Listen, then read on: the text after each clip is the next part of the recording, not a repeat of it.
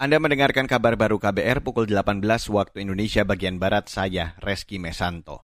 Saudara, Yayasan Lembaga Bantuan Hukum Indonesia atau YLBHI menyampaikan tiga rekomendasi di hari ulang tahun ke-76 Polri.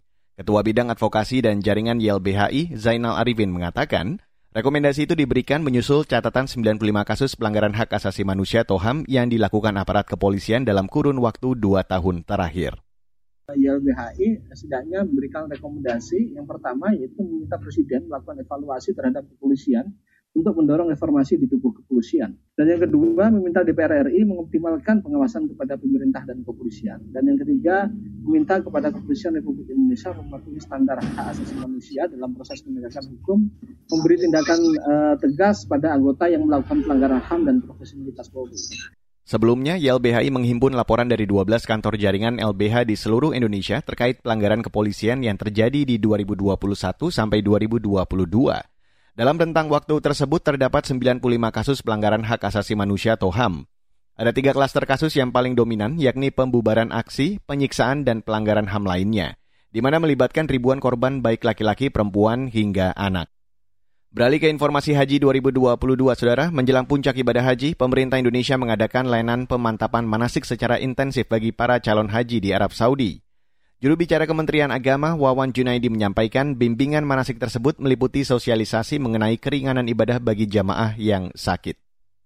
Pada manasik tersebut disampaikan juga materi tentang ruhsoh, keringanan hukum dalam ibadah haji.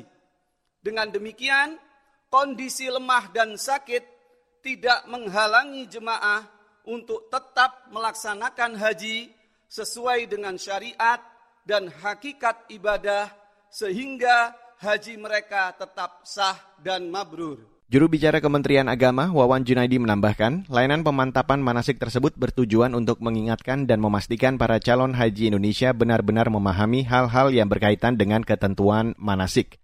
Puncak ibadah haji 2022 akan dilaksanakan pada tanggal 9 Zulhijjah 1443 Hijriah dengan diawali oleh wukuf di Padang Arafah. Saudara, perdagangan saham di Bursa Efek Indonesia masih mengalami tekanan pada perdagangan akhir pekan ini. Pada sesi perdagangan sore ini, indeks harga saham gabungan atau IHSG ditutup merosot drastis hingga 117 poin atau 1,70 persen ke level 6.794. Dikutip dari data RTI Business, lebih dari 400 saham melemah, 120-an saham menguat, dan 130-an saham stagnan. Pelemahan juga terjadi di hampir semua bursa saham utama Asia lainnya, termasuk indeks Nikkei Jepang yang melemah 1,7 persen. Sementara indeks Hang Seng Hong Kong ditutup stagnan, sementara itu nilai tukar rupiah menguat tipis 0,11 persen, diperdagangkan di level 14.862 rupiah per satu dolar Amerika Serikat. Terima kasih Anda sudah mendengarkan kabar baru yang dipersembahkan oleh kantor Berita Radio. Saya Reski Mesanto.